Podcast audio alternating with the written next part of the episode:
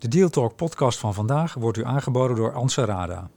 Sinds 2005 heeft Anserada al meer dan 23.000 transacties begeleid, waaronder M&A, kapitaalinjecties, desinvesteringen, herstructureringen en IPO's. Het nieuwe Anserada Deals zet een nieuwe standaard in dealtechnologie. De veilige dealsruimte omvat tools voor projectmanagement, AI-powered data rooms, speciale Q&A-faciliteiten en integratieframeworks. Anserada Deals is meer dan een virtuele dataroom. Het is een complete transactiemanagementoplossing voor de gehele deal lifecycle. Start kosteloos op anserada.com. Welkom bij Deal Talk, de podcast over fusies en overnames. Mijn naam is Ben van der Burg. Ik ga in gesprek met ondernemers over dromen, daden, dilemma's en deals. En vandaag Paul Rietico, ondernemer uit de Zaanstreek. En op het menu staat drinken, eten en het behouden van erfgoed. Paul, welkom. Mis ik iets? Eten, drinken, behouden van erfgoed in je hele ondernemerschap? Ehm, nou, eh, nee, ik denk het niet. Mooi, ik ben Nou, compleet ja, al. eh, eh, leuke dingen doen, lekkere dingen doen en ook met mensen waar ik, waar ik om geef. Ja, dat is belangrijk. De eerste vraag, wat inspireerde je deze week? Ja, nou, toevallig deze week, gisteren, zijn mijn... Ik heb een tweeling van 14 jaar oud. En eh, die zijn klaar met school. En die zijn begonnen met werken. En ja, dat is altijd eh, bijzonder. Je eerste baantje. eh, je komt van school af of je, je, je schooljaar is over. En ze zijn nu begonnen met werken. Eh, eentje die werkt wat in de brouwerij. De ander die werkt in, de, in de horeca. Van, In jouw brouwerij Ja, ja, en ja, ook bij jou in de horeca. Ja, ja, bij mij. Ja, en dat is... Dat Toch is de kinderen van de baas. Oeh. Nou, dat is grappig, want, en dat weten heel veel mensen niet, maar er is een aparte regel in de wetgeving over werk in de horeca. Namelijk dat als je het kind bent van de eigenaar eh, in de horeca, dan val je niet onder de leeftijdsbeperkingen of op een andere manier. Dus zij mogen dus, zij zijn een soort vrijgesteld van de beperkingen die gelden voor bepaalde leeftijden om te kunnen werken. Dus ze mogen gewoon langer werken tot, eh, eh, tot, tot diep in de nacht. Nou, dat weet ik niet. Dat ga ik ook zeker niet doen. Maar ze, ze vallen dus niet onder de standaard regelgeving, wat 15 of 16-jarigen mogen doen. Dus, eh, want blijkbaar is dat een oude wet of zo. Slechte dat dat, regel eh, zeg. nou, ik vind het wel leuk. Nee, Dat is een beetje slechte regel. Waarom is het slecht? Nou ja, ik, eh, ik kom uit de tuinbouw, mijn vader. En ik was zes jaar en ik moest 's morgens vijf uur eruit om die boer... Dus er werd misbruik van gemaakt. Ja, nou, dus doe dat, dat heb ik meegenomen. Kijk, het punt is, het gebeurt allemaal aan de voorkant, hè, dus mensen zien het allemaal. ja, dat En, gelukkig. Dus als ze omvallen van, van vermoeidheid, als iemand 14 is om twee uur s'nachts in de ho Ja. horecazaak van hun vader, dan is er iets aan de hand. Ja, en bovendien vinden ze Ik natuurlijk als overdrijf het 14-jarige... Ja, maar als 14-jarige vinden ze natuurlijk zelf dat ze op een aantal vlakken heel volwassen zijn. En mijn zoon is eh, sinds deze maand eh 1 centimeter langer dan ik. Gaaf. Dus eh, moet hij ook maar aan de slag. Maar dit inspireerde jou, dit, had je, dit, dit hield je bezig. ja, In om- welk opzicht? Nou, omdat je, eh, ik vind, eh, eh, kijk, eh, ze zitten maar op school, eh, hele moeilijke tijd gehad, eh, twee jaar corona. Ze zijn eh, van groep 8 eh, in coronatijd naar de middelbare school gegaan. Dat is best lastig, eh, lastig overgaan Ja. allemaal. Je hoort veel zittenblijvers, veel problemen op school, veel sociale problemen. En ik, ik vind werken op een goede manier, uiteraard. Ja. Dus niet een zesjarige uh, s'nachts in de tuinbouw. Maar als je gewoon op een normale manier werkt, het is ook, je komt onder de mensen, je leert wat. Je leert, in de horeca werken is altijd goed. Dan leer je discipline, je leert gastheer of gastvrouwschap. je leert werken in een team. Eh, ik denk dat dat wel een hele goede is. En ik vond het wel een mooi moment, want ja, eh, ze gaan, eh, Ja. iedereen is nu aan de slag. Ja, ik ga je toch challengen. Omdat ik natuurlijk deze geschiedenis heb, heb ik mijn dochter, die mocht van mij niet werken tot na de studie. Bewust niet, mocht niet. Ja. Dus ik zeg, die tijd dat je anders werkt, kan je beter een boek lezen enzovoorts. En ze heeft de beste werkethos van, nou echt niet normaal goed. Dus het is niet zo, natuurlijk uitzondering, N is één, ik snap hem, ik snap hem, ik snap hem. Maar toch, weet je, je kan ook op een andere manier ontwikkelen. Ik wil niet zomaar propageren in deze deal podcast dat werken zaligmakend is. Die ene goede deal maken kan al heel veel voldoening schenken. Eh, ik denk dat je natuurlijk heel situationeel moet kijken. Per Precies. kind is het eh, verschillend. Eh, Boeken lezen is bijvoorbeeld voor mijn 14-jarige zoon. Als je het hebt over een gruwel, dan is dat een gruwel. Ja. En dat vind ik ook heel jammer, want ik, denk, ik denk inderdaad, ik zou, ik zou willen dat ik meer tijd had om een boek te lezen zonder dat ik hè, dat s'avonds om half elf nog een keer ga doen en, in slaap val. Ja. Want dat is meestal wat er gebeurt. Dus reserveer je het voor de vakantie. Dus ik heb ook deze week twee boeken gekocht, alvast voor de, voor de vakantie. Eh, om te gaan lezen. En omdat ik ook weet dat ik gedurende het jaar daar eigenlijk eh, nauwelijks naartoe kom. Precies. Maar ja, ik denk in dit geval ook die dochter, hè, die, die wil kleding kopen, die wil, eh, ze willen lunchen. Uh, die meiden willen allemaal Ja, lunchen. lunch, tuurlijk. En ja, dan prima, maar dan mag je ervoor werken. Ja. Ik heb mijn dochter onbeperkt budget gegeven. Gewoon onbeperkt tot en na de studie. Geen problemen met geld. Dus ook weer NS1. Maar Ja. ik wil expres even de andere... Iedereen zegt, ben je ge- Ze had mijn creditcard vanaf de 14e. Maakte me niks uit. Altijd zorgvuldig mee omgegaan. Dus ik... Het, nee, maar snap je? Dus ik wil het perspectieven laten zien in deze deal. Oké. Je hebt... ehm, deze, dit is Deal Talk. Daar zit Ja. je in. Wanneer heb je je bedrijf verkocht? Gekocht? Wat is de deals die je hebt gemaakt? Ehm, Wat nou, is jouw dealcarrière geweest? eh, eh, Want je had een onderneming in de tandtechniek. Daarin, Ja. Daar had je een onderneming in. Ja, nou, ik ben eigenlijk na mijn studie bewegingswetenschappen, eh, want dat was zo'n heel moeilijk eh, werk vinden, begin, zeg maar zo rond 1989, 1990 en zo. Eh, toen ben ik in de farma terechtgekomen. Waarom begon je eigenlijk met bewegingswetenschappen? Omdat ik arts wilde worden en toen eh, uitgeloot ben. Mijn cijferlijst was niet van die aard dat ik zeg maar een, een, een vrije doorgang kreeg. Ja, en dan doe je dat een jaar en in plaats van dat je op dat moment denkt van... Oh, nou, ik ga het alsnog proberen. Denk je, ja, ik heb er nu al een jaar op zitten. Het is zonde, dus ga ja, gaat er maar mee door. En eh, nou ja, dat is. En eh, ja, goed, eh, ik ben geen arts geworden en ik heb ook nooit piano leren spelen, wat ik heel graag had willen doen. Nou ja, dat zal ergens... Ja, ik wil eh, bij een koor, dat heb ik ook nooit gedaan. ja, nou ja, goed. Dus ik, eh, dat, dat, eh, uiteindelijk ben ik wel in die medische wereld terechtgekomen. Dat is wel een beetje gebleven. Eh, nog een tussenstap gemaakt bij KLM, eh, waar ik gewerkt heb om wel de medisch-farmaceutische sector, zeg maar internationaal op cargogebied, eh, zeg maar aan elkaar te koppelen eh, en op poten te zetten, commercieel. Toen ben ik weer toen ben ik terug, ter- ter- teruggegaan naar die eh, tandheelkunde. Maar hoe kwam je inderdaad bij die, bij die bruggen, implantaten en kronen? Nou, eh, omdat ik, ik werkte in de, in de tandtechniek bij een, eh, een dochteronderneming, zeg maar een kleindochter van een grote Duitse multinational, Degussa. En zij hadden een nieuwe technologie ontwikkeld om met CAD-CAM eh, kronen en bruggen te maken. Gaaf, met En 3D. dat- eh. Ja, dat was toen heel revolutionair en nu is het best wel, nou ja, gewoon heel gangbaar. Maar in die tijd was dat heel nieuw. Ehm, alleen het was zeg maar eh, de technologie waar zij toen mee werkte. eh, het kon, heeft eigenlijk nooit al die tijd, eh, ik heb het denk drie jaar of vier jaar gewerkt.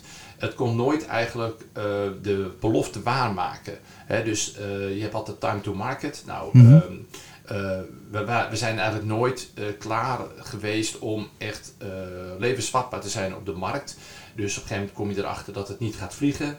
Eh, Dus ze waren een groot. 3D, met CAD-CAM kon je die kroon kon je met 3D maken Ja. en dat daarna maakt, printen je hem uit. Of Ja, niet ja, printen met daar 3D, komt- of denk ik. Uitvrezen, ja. en Uitvrezen. Dat, ja, uitvrezen. En eh, waar natuurlijk alles ehm, zeg maar nog met de hand gedaan werd. En handwerk is eh, niet alleen duur in Nederland, maar ook schaars. hè, Want mensen willen geen handvak meer leren. Mhm. Eh, dus eh, dat was deze CAD-CAM techno- technologie kwam er toen op. En dat is nu best wel gangbaar geworden. Maar dat mislukte toen. Dus toen was het te vroeg. Ja, dat was te vroeg toen met alle beloftes die er waren. En op een gegeven moment had ik een collega. die was exportmanager voor, voor, dat, voor een van die bedrijven die onder die moeder vielen. En die zei, nou, ik ben nou eh, geweest eh, bij een eh, laboratorium in China. En daar maken ze zulke goede kwaliteit. Ze kunnen het zo goed doen, dat doen ze beter dan in Nederland. Alleen, ja, het kan wel zo zijn, maar hoe breng je dat op de Nederlandse markt? En zullen we dat samen gaan doen? En het was niet nieuw dat er import kwam vanuit het Verre Oosten op dat gebied. Alleen het werd een beetje als een soort cash and carry op de markt geflikkerd, excuse helemaal. Eh, en dat werkte niet, want er zat geen service bij, geen... geen eh, geen, geen Maar de kwaliteit marketing. was goed. Dus mijn De kroon kwaliteit. die ik heb, die, die is heel oud. Die zou Ja. sowieso die Dat zou, zou uit China kunnen. kun- kunnen Nou, en komen. de kwaliteit die wij toen uit China haalden, die was zo goed dat eh, zelfs Nederlandse tandtechnici bij ons gingen bestellen en dan onder het mom van dit heb ik zelf gemaakt. En jouw collega die had dat bedrijf uit China ontdekt. Nee, die, ja, die had daar, want die, want die, die werkte namelijk wel met alle zeg maar basismaterialen. Ja? Dus alle, eh, het is in feite alleen maar assemblage. Dus alle hoogwaardige metalen en keramieken die werden in Europa zeg maar, gemaakt bij de grote bedrijven. Eh, die gingen natuurlijk dan naar, naar China toe en daar maakten ze dan die bruggen ervan. Maar op een hele andere leest geschoeid. En wij hebben eigenlijk gewoon dus de productiefaciliteit uh, van, van China, dat was net buiten Hongkong, Shenzhen, hebben we gecombineerd met een totaal opgetuigd apparaat hier aan service, uh, aan huis, trainingen, cursussen. Maar je werkte toen al niet meer bij dat bedrijf? Nee, want wij, wij hadden er een plan voor gemaakt. En, ja, je moet even die overgang vertellen. Ja, nee, wij hadden een plan voor gemaakt en ik ben altijd wel een plannenmaker, ik ben een schrijver. Dus ik had een heel plan gemaakt en dat had ik keurig op mijn computer, mijn laptop gedaan thuis en in mijn vrije tijd, moet ik erbij zeggen. En op een gegeven moment zijn ze erachter gekomen dat dat plan dus op de server stond. En uh, toen zijn we allebei 2 april 2001, ik weet het nog precies, het was 23 graden, het was mooi weer voor de tijd van het jaar, zijn we op staande voet ontslagen. Mooi. En uh, nou, dat vond ik toen niet Nee, zo mooi. maar voor het verhaal is het Ja. briljant. Echt gewoon in je eigen auto, je wordt begeleid naar je bureau. Uh, mijn hele afdeling stond in shock van wat gebeurt hier. Je wordt in je eigen leaseauto word je naar huis gebracht en uh, u hoort van ons en dat ging naar de rechter. En uh, een van de uh, mensen die ook betrokken waren bij dat verhaal, zijn vrouw was uh, advocaat bij Baker McKenzie in arbeidsrecht. Toeval bestaat niet. En toen zijn we all the way gegaan en die zei ook van, nou dit laten ze nooit voorkomen bij de rechter. Maar ja, dat bedrijf vond dat het wel nodig was. Dus toen gingen we uiteindelijk naar de rechter toe. En dat was op 18 mei. Ja, en toen gingen ze met boter en suiker erin. Dus wij kregen natuurlijk een hele goede afkoopsom. En toen hadden we... En het mooie is, als het gaat over ondernemerschap... We zaten nog, gaan we het doen, gaan we die doen? Ja, toen, toen moest je wel. Moesten we wel. Maar ik wil er ook maar even... ook met een zakje geld. Ja. En geen no way back. Maar dat is wel goed, dat je eventjes... Je kan niet meer terug. Maar mooi. Maar, dus 3 april had je van... Holy... Wat was je emotie daarbij? Nou, ik vond het wel, wel shocking, om, omdat je, je, wordt, je bent echt beledigd, omdat, eh, nou, er wordt natuurlijk, eh, in zo'n zaak wordt natuurlijk alles eh, over je heen gegooid. Ook, zeg maar, het, neem bijvoorbeeld het feit dat, dat die technologie niet van de grond kwam. Ja, ineens is dat ook jouw schuld. Oh Want het is een rechtszaak en je weet als er advocaten aan te pas komen, Ja, die zoeken dan alles op. word je van zelfs, ik zeg maar zo, eh, eh, zelfs eh, 9-11 bij wijze van spreken was, eh, was er nog, werd er nog bijgehaald. Dat was iets later. Maar, eh, eh, nee, maar bij wijze van spreken, de hele, de, hele, de hele wereld werd erbij gehaald en alles werd even in jouw schoenen geschoven. En nou ja, dat mag je dan voor de, de rechter uitvechten. Dus van 3 april tot 18 mei was je voornamelijk daarmee bezig natuurlijk. Ja, ja, en 18 mei eh, ging dus in die zin ben je vrij om te handelen, want toen was de zaak over. Eh, en nou ja, vervolgens hadden we nog, eh, zijn we in september 2001 gestart. En letterlijk eh, gewoon eh, in de auto, tweedehands leaseauto. En er waren ergens een klein kantoortje gehuurd met geleende materialen, echt allemaal low budget. Eh, mijn eerste tantes waar ik heen ging, dat was in Balkbrug. En dat was een oud marine dienstgenootje. Ja, waar ik bij de in marine, dienst ja. gezeten. En eh, Jack van Opijnen. Dus ik ga daar naartoe. Ik zeg, nou Jack, ik heb iets heel leuks. Zeg, en ik ga dat doen en dat en dat. En zo ziet het eruit. En eh, wil je dat? Nou, echt, echt zo van, nou, dat gaat hij never nooit doen. Hij zegt, nou is goed. En oké, dus ik rijd terug. Nou, helemaal euforisch. Nou, en eerlijk gezegd, vanaf eh, dat moment is het heel crescendo gegaan. En die, daar in China ging ook allemaal goed. Het Ja. produceren van die... Dat, Ja, en allemaal... ik had natuurlijk ook ervaring. Weet je, het is grappig dat je natuurlijk ook zegt, oké, eh, logistiek. Maar ik had twee jaar lang bij eh, KLM gewerkt op ja. het gebied van eh, cargo. Dus ik wist ook precies hoe dat geregeld moest worden. Sterker nog, dan haalde ik het zelf op bij de KLM Cargo Ja. Desk op Schiphol. En dan zeiden ze, dat kan ik niet vinden. En dan zei ik, dan moet je even gaan kijken in het systeem. Corda Ah, 2.0 geweldig. module 3, weet ik veel, noem even wat. Ik weet het allemaal niet meer. En, dan, en ik zeg, daar staat namelijk de positie. Ja. Oh ja, en de kerel keek me natuurlijk aan. Ik denk, ja, die kan ik niet met een kluitje in het riet sturen.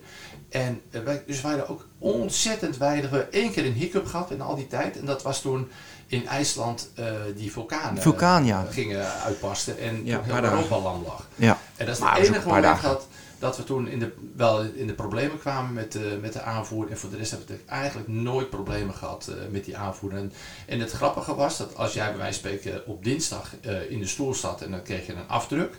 Dan was het die volgende week woensdag, donderdag had je hem alweer terug. En dat was vaak korter nog dan dat het in Nederland duurde om die kroon met hand te maken. En eh, daar werd die ook met hand gemaakt. Maar ja, en als de kwaliteit dan goed is, ja, en toen ging het heel snel. En, eh, en, dat, Hoe groot groeide het van 2001? Je verkocht het in 2014. Hoe groot groeide het bedrijf? Eh, ja, het is, ik weet niet of het eh, de bedoeling is om omzetcijfers te geven, eh, want we hebben het uiteindelijk bedrijf verkocht. Maar we hadden uiteindelijk, we waren in vier landen, waren we marktleider en we hadden 240 man in dienst op het laatst. Ja. Dus, eh, en dat was eh, goed winstgevend. Ehm, en het was zelfs zo dat wij merkten dat wij ook met onze prijsstelling ehm, iets, iets te, te laag waren, waardoor we niet meer geloofwaardig werden. Dus wij, de, de prijs hebben we ook iets omhoog bijgesteld. En daar wel in ruil voor ook weer meer service. Want eh, als jij morgen een iPhone aanbiedt en je zegt hij is 100 euro, dan zeg je De- dat ja, niet, dag, dat kan niet. Dat geloof ik niet. En we hadden dus, en we hebben één issue. kwam er geen concurrentie, want dit, dit klinkt zo Nou, als een... Ja? Ja, nee, dat is, dat is heel terecht. Want ik had een, eh, een vriend van mij destijds die zegt: Ja, maar Paul, dit is gewoon pa- pakken wat je pakken kan. Want dit is natuurlijk binnen no time gekopieerd. Maar wat er eh, gebeurde, en dat zie je wel vaker in Nederland. Het is toch een beetje not invented here. En je had dus ook de, zeg maar de, de beroepsgroep, hè, de, de, de beroepsorganisatie. En die heette ook de, eh, bijvoorbeeld dat heette dan de Vereniging van Laboratoriumhoudende Tandtechnici. Dus je kon alleen maar eh, lid worden als je ook tandtechnicus was. Maar zowel mijn compagnon als ik, wij waren Nee. helemaal geen tandtechnicus. Dus wij konden in eerste instantie ook helemaal geen lid worden. Eh, dus wij pasten nergens in. En wat je eerst kreeg is, ehm, zeg maar, eh, de, de, de weerstand.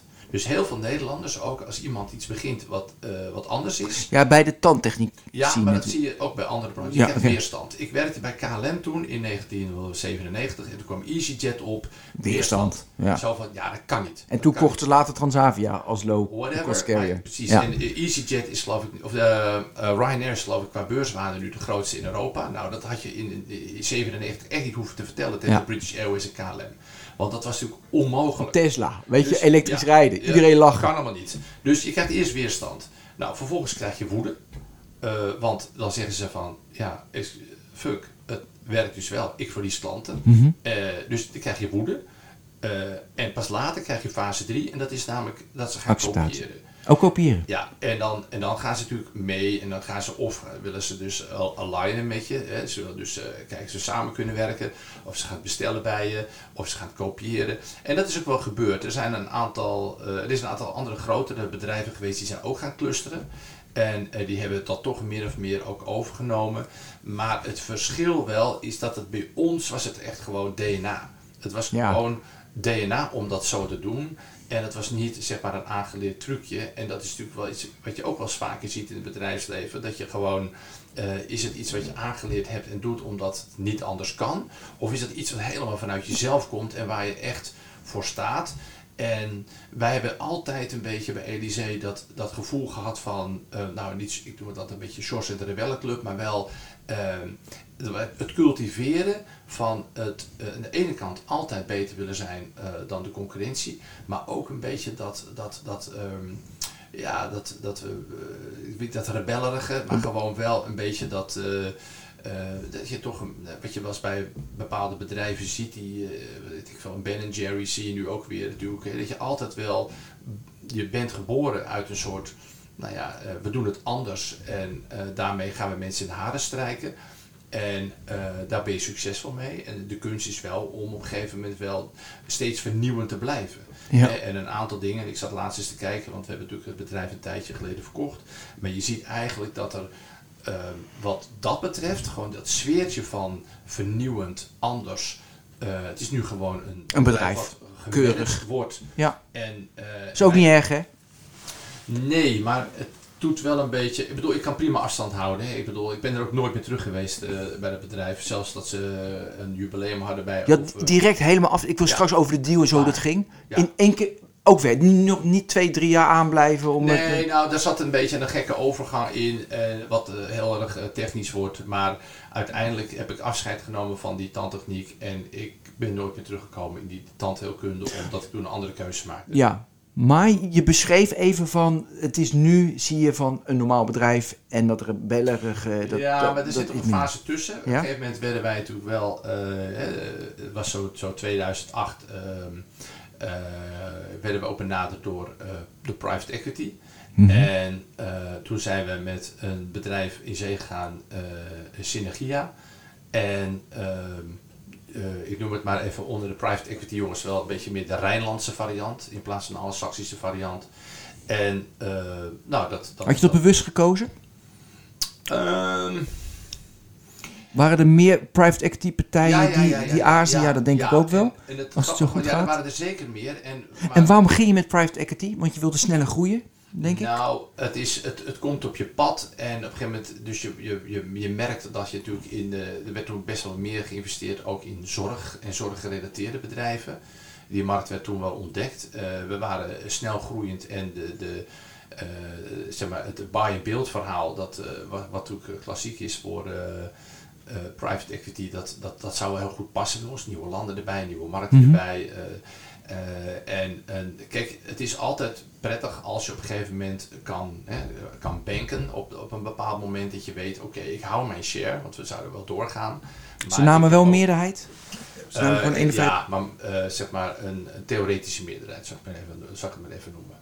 Dus eh, uiteindelijk bleven mijn eh, compagnon en ik eh, gewoon achter met eh, allebei bijna een, een, een kwart van de aandelen. Ja. En zij dus iets meer. Iets meer 51. En, eh, eh, dus het gaf ons wel de vrijheid ook en ook de, de impliciete impuls om door te gaan en het bedrijf gewoon verder te laten groeien. Ja, je had weer wel de natuurlijk. Wat, the dus de game, case- even, ja, eh, precies.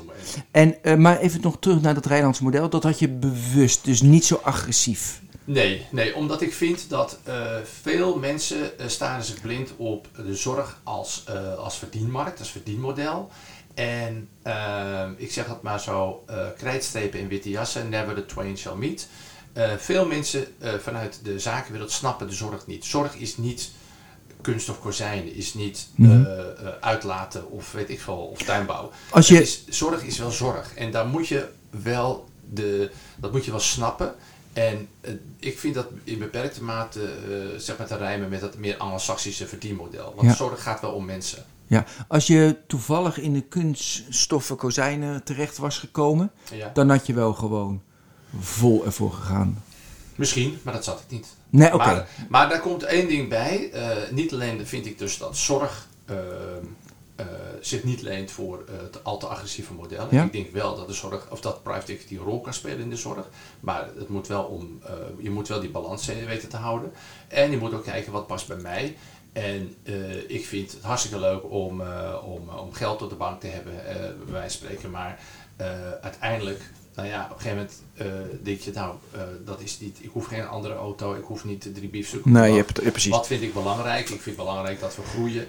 Ja. En ik vind het belangrijk ook dat ik in een wereld leef met mensen die elkaar respecteren en niet alleen maar naar de, de Excel-sheets kijken. Toen private equity erbij kwam in 2008, wat zou je achteraf anders hebben gedaan?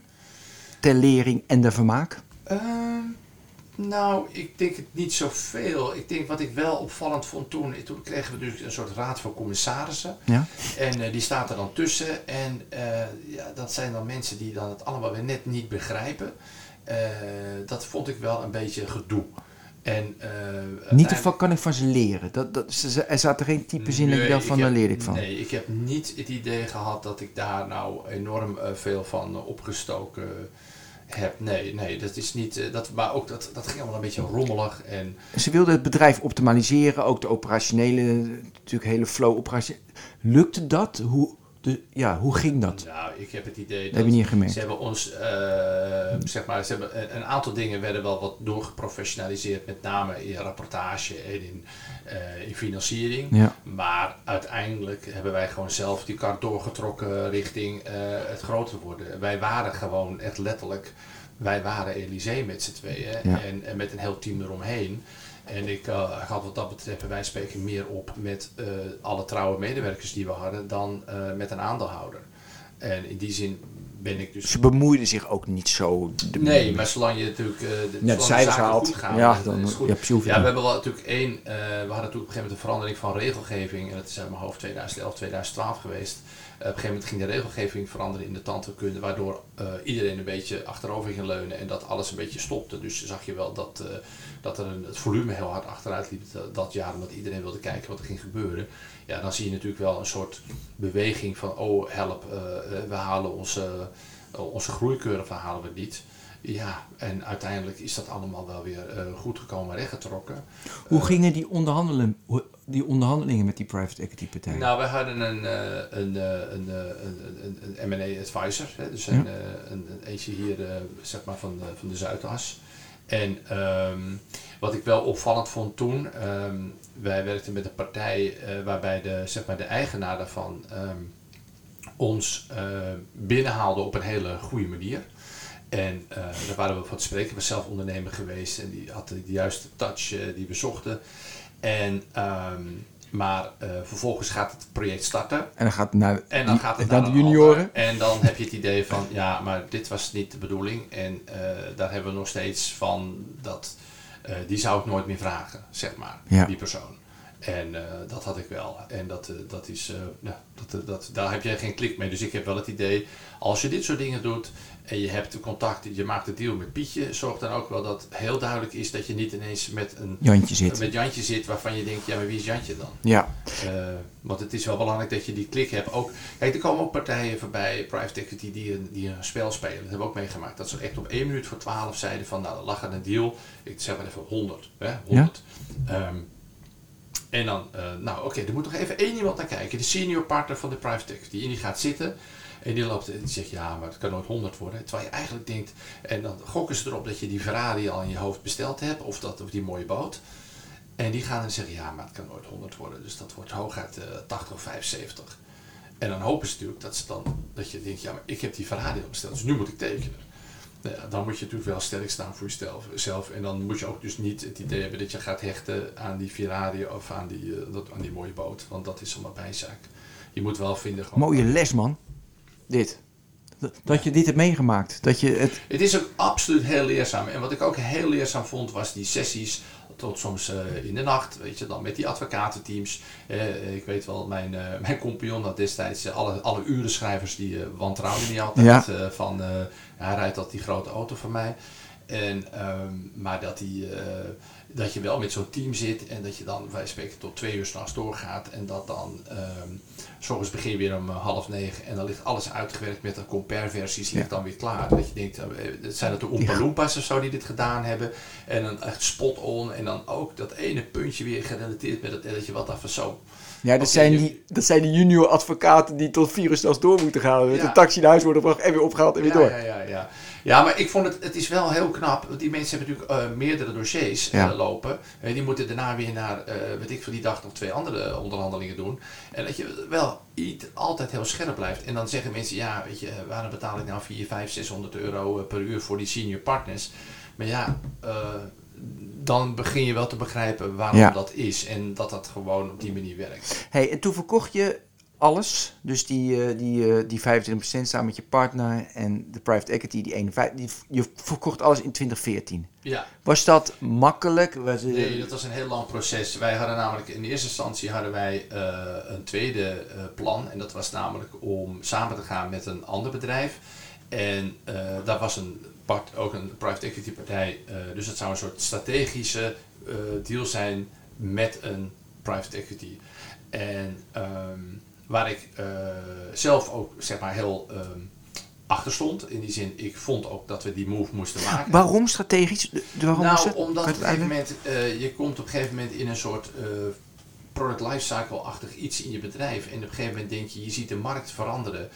Bijvoorbeeld, namelijk, je zag de hele de praktijkvorming in de tandheelkunde in Nederland zag je op een gegeven moment veranderen. Eh, ik, kijk, eh, de, demografie, hè, dat is iets, dat is gewoon een wetenschap, dat is gewoon sta- statistiek. Ja. En je zag bijvoorbeeld van, jongens, eh, over 10 jaar eh, gaat 40% van de tandarts gaat met, met pensioen. En jongeren hebben geen zin, eh, gemiddeld genomen, om die praktijk op de klassieke manier over te nemen. Dus er ontstaat een andere vorm van Ja. praktijkmanagement, praktijk-ownership. Eh, niet in de laatste plaats, omdat bijvoorbeeld ook in demografie, waar voorheen, zeg maar, ik noem het maar in de jaren 60, 70, misschien 80% mannen was, eh, was het ineens, Heel veel ik veel, 68% vrouwen. Ja. En heel erg geconstateerd in Amsterdam, waar de grootste dental school staat ongeveer van Europa. En dan had je nog Nijmegen, Groningen, maar die, die, die, waren minder. Dus je zag heel sterk dat de demografie aan de hand was, waardoor die tantes die altijd dacht, ik ga mijn praktijk verkopen. Maar bijvoorbeeld, en je zat in Koevoorde, ja, welke eh, dame eh, vanuit eh, Amsterdam opgeleid met een vriend die misschien advocaat is op Ja. de Zuidas, waar we het net over hadden, gaat naar Koevoorde. Ja. Die jongen zegt, nou succes Marietje, maar ik ga niet mee. Dus je zag gewoon allerlei bewegingen ontstaan waarbij je geen rocket scientist hoeft te zijn om te denken dat gaat een keertje fout. Dat model, dat, dat, dat stokt ergens. Grappig is dat heel vaak dit soort dingen natuurlijk uh, weggedaan worden als een soort, hè, dan krijg je een soort cognitieve dissonantie. Zeker in, die hele, uh, in, in een bepaalde wereld die, af, die, die, die aan elkaar hangt van conventies. Mm -hmm. Van ja, uh, dat lost zich wel op, of dat is niet zo. Of, ja, de nee, mensen willen er niet aan, maar dat zijn de feiten. Ja. Dat is demografie. Dus, we wilden, dus die strategische deal wilden we eraan gaan koppelen. Waarom? Uh, nou, omdat, uh, omdat wij zagen dat, dat, dat eigenlijk, wij wilden opschuiven de keten. Je hebt namelijk ja. uh, de industrie, ja. waar ik vandaan kwam, dus die tandtechnische wereld. Wij leverden dus aan tandartsen en die tandartsen leveren aan patiënten. Dus wij wilden eigenlijk een soort voorwaartse integratie maken om ook met die tandartsen... Een gezondheidscentra, tandartsen... Iets inclusief die, inclusief hele, die hele prothetiek, zoals dat zo mooi ja. heet. Ja. ja. Nou, en daar hadden we een plan voor bedacht. En met een private equity club... En dat is uiteindelijk uh, ja, niet doorgegaan. En uh, uh, ja, het, sorry, maar daar kan ik niet heel veel over vertellen. Ehm, maar dat had ook te maken met de. nou, laat ik zo zeggen dat de, de, de, de, de Chinese partner die wij hierin hadden, die, mm -hmm. die wilde daar eigenlijk gewoon niet in meegaan. En dat gaf koud, koud watervrees bij een aantal partijen. En uiteindelijk is dat geklapt. En ehm, ook omdat uiteindelijk dus die Chinese partij die wilde ons kopen. Want die wilde namelijk uh, een... Zeg Voet aan de grond in Europa, ja. Nou, die wilde een viertal van die Elysees... Uh, wilden die aan elkaar gaan rijken, rij, rijgen om een, een soort global company te maken ja. op, vanuit zijn bedrijf in uh, Hongkong, Shenzhen. Om daarmee naar de beurs te gaan. En uiteindelijk is dat dus ook gebeurd. Dus uiteindelijk heeft die man, uh, die, die, die, die, die, die Chinese partij, Modern Dental Lab, heeft ons dan overgenomen. En uh, nou, daar staat onze handtekeningen onder, dus daar waren we ook wel blij mee, laat ik het zo zeggen. Of blij mee, daar waren we content genoeg over. En uh, daarmee kon hij naar de beurs in Hongkong. En daar is hij uh, tot op de dag van vandaag is, hij daar gelist met het bedrijf Modern Dental Lab. Dus dat is dan het grootste laboratorium ter wereld. Uh, is dat geworden en wij zijn daar zeg maar een soort piece of the pie van. En dat is wat er gebeurd is. Wat bedoel je met de piece of the pie van? Nou, wij, dus dat Modern Dental Lab heeft bijvoorbeeld een, een tak in Duitsland. Uh, ja. Die heeft een tak in Nou, maar je hebt het nu verkocht, dus jij bent nu dus niet... Wij zijn, dus Elysée is nu zeg maar ja, een, een, een, taartpunt, een grote van... taartpunt van de grote taart die Modern Dental Lab heet. Dat is wel leuk voor je dat dat nu nog steeds op de beurs staat. En, of ja. heb je er helemaal niks mee gevoelsmatig? Ja, nee, wat... omdat ik toch vind dat uh, er is toen een, uh, een manager opgezet, een klassieke, nou, ik maar even een blauwe manager. Een, en, een Nijrode jongen, een Harvard nou, jongen. Ja, uh, gewoon. Uh, en die, die heeft er toch een, een andersoortige zaak van gemaakt. Ja, okay. en, en, dat moet hij doen, hè? Ik bedoel, nee, tuurlijk. Ik heb, uh, het is niet, daar heb ik ook weinig emotie over. Maar verwacht van mij ook niet dat ik dan zeg van ik voel enthousiast en precies. Dus, we moeten naar het eten, drinken en behouden van erfgoed. Ja. Ja, daar moeten we echt naartoe. Want toen was ja. je klaar in 2014 en toen. Ja, toen, je kocht die boot, je kocht die Ferrari. Nee, nee, nee, nee. nee, nee. Ik, had, uh, ik had één luxe, dat is een huis in het, uh, in het buitenland, maar die heb ik inmiddels ook verkocht. en uh, nee, ik, uiteindelijk ga je dan wel denken van oké, okay, je bent redelijk ja, gezetteld financieel dan. En dan ben je, hoe oud ben je dan? Dan ben je geloof ik, wat is dat, ergens 46 of zo. En dan, je hebt jonge kinderen, ik heb vrij laat kinderen gekregen. En dan ga je kijken, nou, wat, wat vind ik nou echt leuk? Nou, wat ik echt leuk vond, en ik was er al een klein beetje mee, mee begonnen. Uh, ik, er zit een heel mooi, heel bekend restaurant op de Zaanse Schans. Uh, Hopen de Zwarte Walvis, vroeger top 10 van Nederland. en uiteindelijk ben ik daar dus um, ingestapt, omdat het noodlijdend was. niet alleen financieel wat, maar ook met betrekking tot ja, marketing, communicatie, concept, bla bla bla. Uh, ik had wat tijd over toen en uiteindelijk uh, hebben we dat overgenomen met een paar vrienden. En uh, toen kreeg ik de smaak te pakken. Want ik heb wel altijd, hey, door je, je, in die tijd zeker werd je geacht toch keuzes te maken. In die tijd wil ik zeggen, zo rond 1990, dat ik klaar was met mijn studie en mijn dienstplicht. Ja, je maakt keuzes op basis van de ratio, van je, je, je hersenen en niet op basis van je hart. Um, en uiteindelijk uh, ja, ging ik toch meer voor mijn hart kiezen. Die luxe had ik. En uh, dat is eten en drinken. En, ja. Um, ja, ik ben dol op koken. Ik ben dol op eten. Uh, dat ik trouwde met mijn vrouw in 2002 hadden we alleen maar eten. Lange tafels. gewoon acht, negen gangen. je kan me die gelukkiger maken door, door niet alleen het eten zelf, maar ook het sfeertje eromheen Dat vind ik heel mooi. Daarbij kwam Ja. dat, ik, eh, dat mijn vrouw is, ehm, ehm, heeft planologie gestudeerd. Heeft een afstudeerscriptie gemaakt over het herbestemming van industrieel erfgoed. Daar Eh, komt dat erfgoed vandaan. Daar komt erfgoed vandaan. Er is heel veel erf, niet alleen dat, maar de, de, de perfect match was dat in de Zaanstreek is heel veel oud erfgoed. eh, wat eigenlijk heel lang verwaarloosd is, omdat nou ja, alles moest weg en alles moet nieuw. Eh, dat zelfs op een gegeven moment ook de linkerpartijen zeiden van nou, eh, misschien is dat toch wel heel zonde, we gaan dat toch, eh, we gaan het toch behouden. En ja, mijn vrouw was tot vorig jaar gebiedsontwikkelaar op Schiphol, dus die had ook iets met functie geven aan Ja. dingen.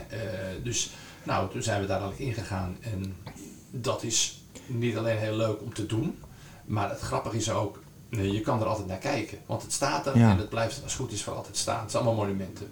Toen je de Zwarte Walvis kocht, eh, toen kwamen we net uit die 2013, uit die, eh, de crisis hadden we al gehad, maar alles stond het laagst in 2013, de huizen en de beurs en zo. Dus je kon dat heel goedkoop kopen. Had je veel adviseurs daarbij? Hoe ging dat? Nou, eh, voor alle duidelijkheid, ik heb de walvis niet gekocht als, als pand. Dat is een bestaand pand. Dat, is nog, dat is geen eigendom, dat was meer een opstap. Een aantal andere panden, panden hebben we wel gedaan, bijvoorbeeld op het Hembrugterrein. Eh Hembrugterrein. is Daar zit Lab 44. daar zit Lab 44. En er was de Next Web een paar weken geleden, toch? Ja, Daar was ik geweest, dus daarom... ja. eh, en daar hebben, dat zat even verderop op het terrein. Maar er zijn wel een uh, heleboel mensen van NextWeb zijn bij ons eh, komen lunchen, Ja, borrelen, et cetera. dat Eh, is een tech-conferentie voor de mensen die dat niet weten. Ja, maar het, eh, ik kom uit de Zaanstreek en dus ik ken het gebied goed. Het is, een oude, eh, eh, het is eigenlijk het oude hart, het centrum van de, eh, de stelling van Amsterdam. Hè? Dus al die forten. Ja. En ze hebben altijd gezegd, eh, eind eh 19e eeuw, van ja het is wel leuk, maar als wij, wij moeten dus een wapen- en munitiefabriek hebben in het centrum, want anders worden we op een gegeven moment eh, belegerd en dan kunnen we niet eigen wapens maken. Ehm, dus uiteindelijk waren daar op het hoogtepunt 8000 mensen, geloof ik, eh, aan het Mhm. werk. Ehm, op een gegeven moment heeft het heel lang leeg staan. Eh, gaan we het plat gooien? Eh, nee, we gaan het bewaren. Zetten, het zijn iets van 80, 90 ehm, eh, monumenten staan erop. Dat is verkocht aan een eh, ontwikkelaar. En, eh, maar vooruit voor de troepen was één pand, het laboratorium. Dat stond echt op instorten. Eh, aan het einde van de wereld, eh, aan het Noordzeekanaal en de Zaan. En Paul wilde erin stappen. Eh, ja, heb ik gedaan. Toen samen met, eh met Stadsherstel. Eh, eh, eh, er zat een, eh, het was een provinciaals monument. Er zat eh, nou ja, een subsidie nog op om het te ontwikkelen. Want het, was echt, het, was, het moest ook versneld ontwikkeld worden. Ja. Het zou elk moment in kunnen storten. En eh, daar hebben we Lab 44 van gemaakt. En ja, als je het hebt over, heb je de adviseurs van gehad? Nou, eigenlijk heel beperkt. Eh, er is het, uiteraard heb je een architect nodig om een aantal dingen te doen. Ik heb een, eh, een, een, een vastgoedadviseur, dame, projectbegeleider. die heeft erop gewerkt, op gezeten. En mijn vrouw heeft daar een heleboel in gedaan. Tuurlijk. En uiteindelijk eh, is het toch wel een project geweest wat we heel erg eh, zelf gedaan hebben. Eh, het compleet inclusief inrichting en de hele formule. Maar de business case reken je dan zelf uit? Of... Ja, Ja. ja. Hey, en de, even van, van arts, en dan bewegingswetenschappen en dan tandtechnicus, weet je, allemaal in de gezondheidszorg. Dan heb je bepaalde eigenschappen wie je bent en daardoor lukt dat allemaal heel goed. Nu in de, ja, in de horeca. Eh, zijn dat dezelfde ook, weet je, dat je de hospitality b- branche, dat lijkt natuurlijk op de gezondheidszorg, zou je kunnen zeggen. Welke eigenschappen neem je mee en zie je overeenkomsten of niet? Ehm, nou, misschien ben ik niet eens eh, zo eh, goed in hospitality zelf. Hoor. Dat is iets wat andere mensen doen. Ik, ik bedien geen, geen gasten. En, Nee, misschien maar je moet wel het gevoel... Oh, ja. Ja, nou, ik heb natuurlijk wel het gevoel eh, dat ik het ontzettend leuk vind en belangrijk vind en kan genieten van als mensen het naar hun zin hebben. En zoals gisteravond hadden we bij Brouwerij Hoop eh, in Zaandijk, ehm, hè, dus zeg maar net een andere Ja, je hebt ook nog een brouwerij, waar ook dan, daar kun je ook gewoon een restaurant, daar kun je ook eten. Ja, ja, Ja, er zit een winkel bij. Eh, we hebben een brouwerij in Ierland. Dat doe ik dan weer met een oude jeugdvriend van mij. Dat is dezelfde brouwerij, maar dan in Ierland.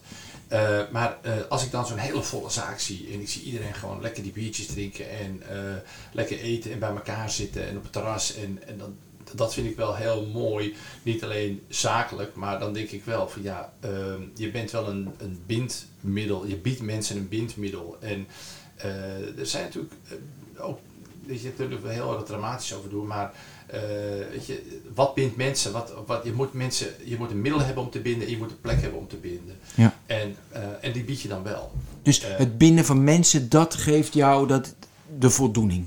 Nou, wat ik, wat, ik, wat ik misschien, als je toch echt die hele, die hele laag eronder gaat kijken, ik denk wel dat het heel belangrijk is dat je in een wereld leeft en dat je daar ook faciliteert dat mensen gewoon elkaar kunnen blijven vinden. En ik ben helemaal niet zo'n.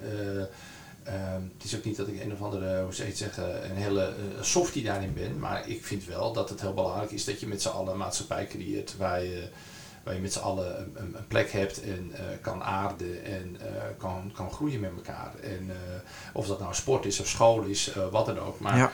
uiteindelijk vind ik, dat, vind ik dat wel heel leuk om daar een bijdrage aan te leveren. En eh, ja, je kan eh, geld stoppen. Ik zeg zo, ik had het ook in, in, eh, in Panama weg kunnen zetten. eh, om vervolgens een paar jaar later ontmaskerd te worden. Ik vind het heel leuk dat er een aantal monumenten staan. En een aantal gebouwen en misschien wel een paar brouwerijen. Dat als ik er niet meer ben straks, dat Ja. die er nog steeds staan. En we hebben bijvoorbeeld ook naast de brouwerij hebben een pand herbouwd uit eh, 1650. Eh, daar woont nu een gezin. En, dat, en daar kan ik echt, en dat, daar stoppen mensen voor. hè. Die zijn natuurlijk bij de Ja, dat vinden ze mooi. dat vinden ze mooi om te zien. En dan gaan ze kijken hoe dat gedaan is. Dat is helemaal opnieuw gebouwd, helemaal gerestaureerd.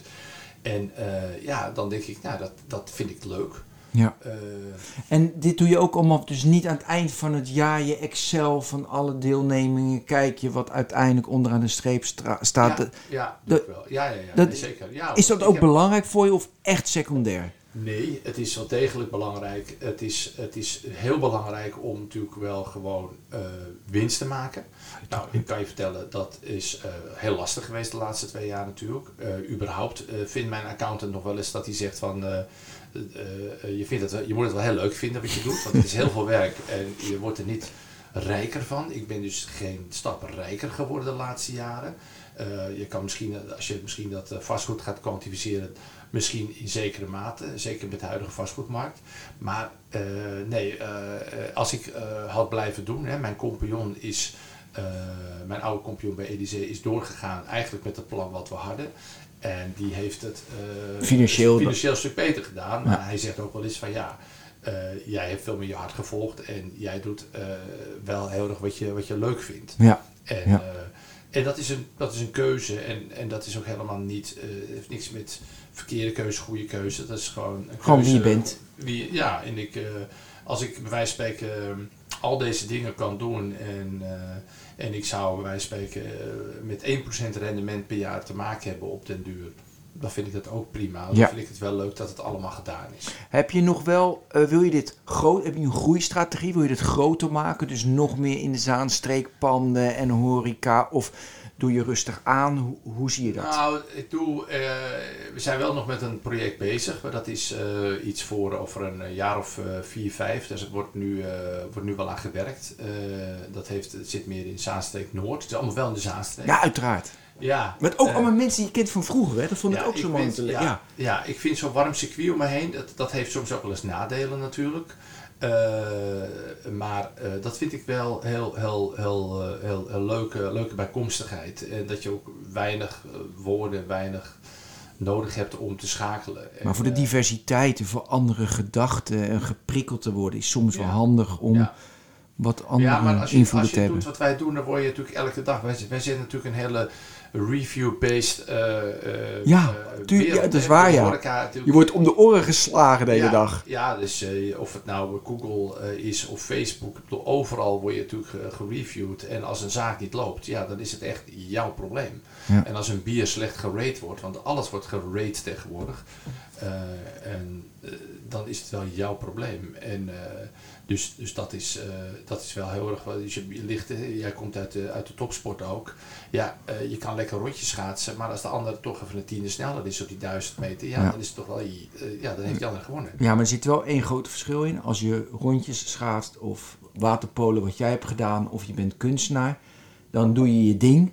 Ja, en dan kijken mensen naar of niet, of ze willen het kopen, je kunst, of niet. Dat doet er niet toe, want je hebt je bepaalde niche doelgroep. We hadden vorige keer in deze podcast hadden we kipcaravans, echt een niche kiezen. En daar gaan, en dat niche, ze hebben een product en dat gaan ze verkopen. En in de horeca vind ik wel leuk. Je zou dus, in, ik zit nu te denken, een concept kunnen hebben. Nu ga je reviews, dan ga je aanpassen. En heet het aan de klant, want de klant is koning en dan moet je iets doen. Zou ook mooi zijn. concept neer te zetten. kan je bijvoorbeeld doen met je brouwerij Hoop. Mhm. Je zet je bier neer. Ja, vind je het vies? Dan heb je pech. Want dit is mijn bier. Nee, er is heel veel, eh, zeg maar, formulevorming. Hè? Dus Ja. eh, de beren en uh, loetje en dat soort eh, Ja, dingen. precies. Ja, Nee, daar heb ja. ik natuurlijk wel aan zitten denken, maar ik, eh, ik ben Ik nu, vind eh, trouwens Loetje wel verschrikkelijk slecht hoor. Oh, sorry. dat is een persoonlijk ding. Maar door. Ja, nee, ik moet zeggen dat ik er al jaren niet geweest ben. Nee, ik ben. Zal ik even vertellen, het is wel grappig. Ik denk 10 of 15 jaar geleden hadden ze nog maar één of twee zaken in, eh, in Amsterdam Zuid. Ja. En het was heel hip om daar naartoe te gaan. En dan kreeg je dus witbrood met een, eh, hoe heet het, met een biefstuk. En ik kom uit het Westland. Ja. En in het Westland eet je dat. Maar dat is dus echt, ja, het, weet je, dat is, maar dan is het, in Amsterdam was het ineens hip. En in het Westland was het met jus. Weet je, dacht ik van, ja, dat is mijn jeugd. Dus dat, dat kon ik niet rijmen. Dus sindsdien heb ik een vooroordeel. Omdat het gewoon het Westlands eten was. Maar goed, sorry. Ja, nou, ik, ik, eh, ik vind het natuurlijk prachtig eh, vanuit de, zeg maar, zakelijk gezien. Ja. Hoe ze dat Ja, knap. Goed. En, Super eh, knap. goed dat ze nu bezig zijn met, eh, eh, met, met, ook met vega-versies en, eh, Ja. en dat soort dingen. Eh, waar ik ook nog eh, een, een klein dingetje in heb gehad een paar jaar geleden. Maar ehm, eh, als, alleen als soort restaurant eh, is het niet mijn eh, cup of tea. Goed, maar voor andere mensen wel, hè? dus ja, dat is nee, prima. hoor, dat is- iedereen zijn doelgroep. Maar hadden het over reviews en dan een concept neerzetten. De- Ja, nee, maar ik denk, dus ik ben wel, ja, ik denk wel, ik ben, ik ben 57 en ik, ga ik, wil ik dingen gaan herhalen. Hè, dus dat wordt, krijg je toch, dan word je echt een spreadsheet manager.